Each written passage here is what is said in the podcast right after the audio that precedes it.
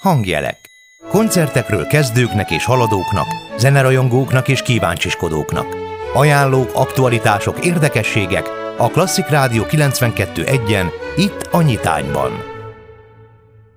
Klasszik Rádió 92 egy benne a nyitány, a nyitányban pedig a hangjelek rovatunk, és itt van velem Zsoldos Dávid. Jó reggelt kívánok! Jó reggelt, sok szeretettel köszöntöm a hallgatókat is. Ma is egy nagyszerű témával készültünk a hallgatóknak, aminek az apropója az volt, illetve az ötletet az adta, ugye, hogy most rendezik a Doráti Antal nevével filmjezett karmester versenyt, és felmerült az a kérdés bennünk, hogy beszélgessünk erről egy picikét, hogy hogy került a karmester a zenekar élére. Karmesterség abban a formájában, ahogy most ismerjük, az tulajdonképpen nem is annyira régi, a 19. század mondjuk úgy második, harmadik, negyedik évtizedében terjedt el az, és vált általánossá, hogy, hogy egy olyan ember áll a zenekar élén, akinek a kezében nincsen hangszer. Egészen addig az volt a jellemző, hogy vagy a billentyűs csembalista, adott esetben a, a szólista vezeti a, az együttest, mint amely Mozart például a zongora versenyeket maga vezényelte a hangszer mellett ülve, vagy egy, egy vonós együttesben az első hegedűs az, aki vezényeli a, az együttest, és ez amikor nőtt, nőtt, nőtt a zenekar, azért azt már beláthatjuk, hogy egy, egy Schumann szimfóniát, pláne később egy nagy Mahler szimfóniát, mert tulajdonképpen a, az első pultból hegedűsként vezényelni az, az teljesen reménytelen. Már csak a láthatóság miatt is, hiszen a zenekar bizonyos pontjáról egyáltalán nem látni az első hegedűst, vagy mondjuk a, az zongora szólistát, aki ott van a, a billentyűk mellett. Arról nem is beszélve, hogy a zenei szövet is sokkal bonyolultabb lett, illetve hát mindenki el tudja képzelni, hogy mondjuk egy, egy Rachmaninov zongora verseny kellős közepén nem sok ideje is lehetősége marad a zongora szólistának, hogy még azzal is foglalkozzon, hogy a harson az be fog elépni vagy sem. Ugyanakkor ez közel sem jelenti azt, hogy a 820-as, 30-as évek előtt ne lettek volna karmesterek, hisz voltak olyan pozíciók, olyan felállások, amikor igenis volt dedikált karmester, igazság szerint egészen a középkorban nyúlik vissza, hiszen hogyha a templomban a, a zenei megszólalásokat különböző gyerekkel irányító emberek gondolunk, akkor az is tulajdonképpen egy karmester. Később egyébként a barokban kifejezetten híres karmesterek voltak, ott volt Lülli, aki maga ugyan kiválóan játszott hangszeren, de mégiscsak karmesterként volt a francia király alattvalója és hát tulajdonképpen egy ilyen tragikus karmester történet is Lüli nevéhez fűződik, hiszen a király szerencsés meggyógyulására komponált egy hálaadó tedeumot, amelynek előadásán viszont hatalmasat ütött a lábával a karmesteri bottal.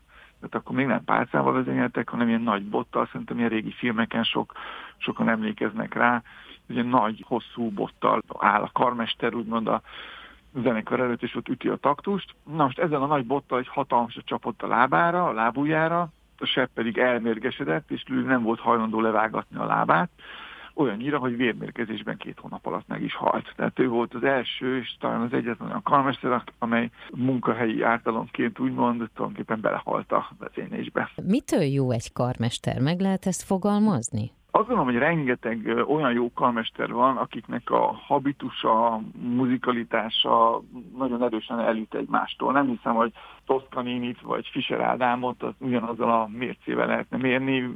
Toscanini legendásan egy diktátor volt, egy kifejezetten terrorizált a zenekart a felmatott megjegyzések szerint, még, még Fischer Ádámról az a muzsikusoknak a közkeletű vélekedése, hogy, hogy tulajdonképpen egyfajta ilyen szupportív vezetőként, hogy ez ma divat pontosan menedzsment nyelven mondják, próbálja maximumot kihozni a, a zenéből, de hát ezt nekünk is elmondta annak idején egy ilyen kapricsodásban. Tehát igen, van egy ilyen sztereotípia, hogy felosztjuk a karmestereket, amennyire nyilván ez sem fekete-fehér, hanem a mindenféle árnyalat közötte, hogy, hogy vannak a, az úgymond az autoriter, erőszakosabb karmesterek, akik egyfajta hatalmi pozícióból próbálják úgymond kinyomni a zenekarba az elképzeléseket, és van a szupportív karmester, amely elsősorban a zenészekkel való empátián és a zenészek támogatásán, a zenészekkel való együtt gondolkodásban próbálja megvalósítani az elképzelését. Most nyilván az utóbbi azért abból a szempontból eléggé kérdéses, hogy a, ahogy a hadsereg, ugye a zenekar sem egy igazi demokrácia, tehát nem lehet a muzsikusoknak 25 féle elképzelésük mondjuk a helyes tempóról, hanem bizony a karmester felelőssége az, hogy eldöntse, hogy egy adott zenei résznek mi a tempója. Érdemes még megemlíteni azt, hogy nem csak férfi karmesterek, hanem már női karmesterek is vannak.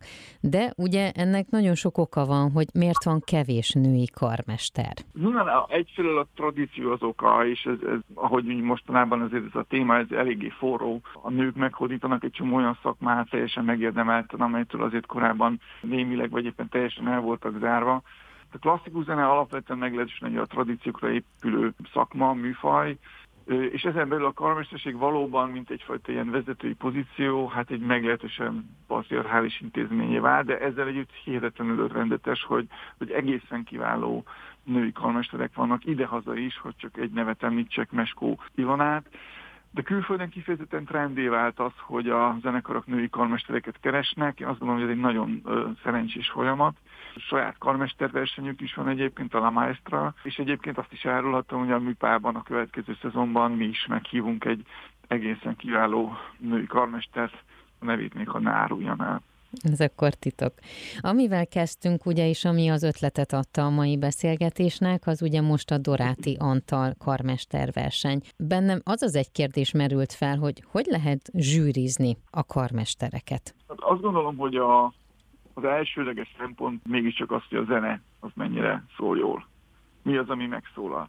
Nyilván egy karmester nagyon nehéz helyzetben van, hiszen egy zenekarral dolgozik, ő maga ugye nem állít elő hangot, ő csak mutatja, hogy mit kellene csinálni, és valóban egy ellenséges zenekar, vagy egy közömbös zenekar, az nagyon meg tudja nehezíteni egy karmesternek a dolgát, és azért képzeljük el, hogy ugyanazt a zenekart vezénylik egymás után a jelöltek egy versenyen, tehát tulajdonképpen ugyanazzal a felkészültségű zenekarral, akinek viszont ugyanazok a beidegződései vannak, nyilván darabról darabra, mennyire tudja ezt a zenekart megmozdítani, mennyire követi a zenekar a karmesternek az instrukcióit, hát tulajdonképpen ezek azért meglehetősen nehezen észrevehető. Én azt gondolom, hogy egy karmester versenyen nagyon fontos zenekar véleményét megkérdezni. Jó karmester versenyen a zenekar véleménye az valamilyen formában érvényesül a zsűri döntésében, hiszen ők azok, akik úgymond belülről megélik azt, hogy hogyan kommunikál a karmester feléjük, mennyire egyértelmű az ütése, mennyire, mennyire világosan lehet követni az útmutatását, és talán még abból is megéreznek valamit, akármennyire is rövid időre találkoznak ilyenkor a jelöltekkel, hogy mondjuk hosszabb távra mennyire jó munkakapcsolatot lehet kialakítani egy ilyen vezetővel. A Doráti Antal karmesterverseny döntő és gála koncertre szeptember 11-én kerül majd sor a Zeneakadémia nagy termében. Az elmúlt percekben Zsoldos Dávidot hallhatták, akivel a karmesterek jelentőségéről beszélgettünk.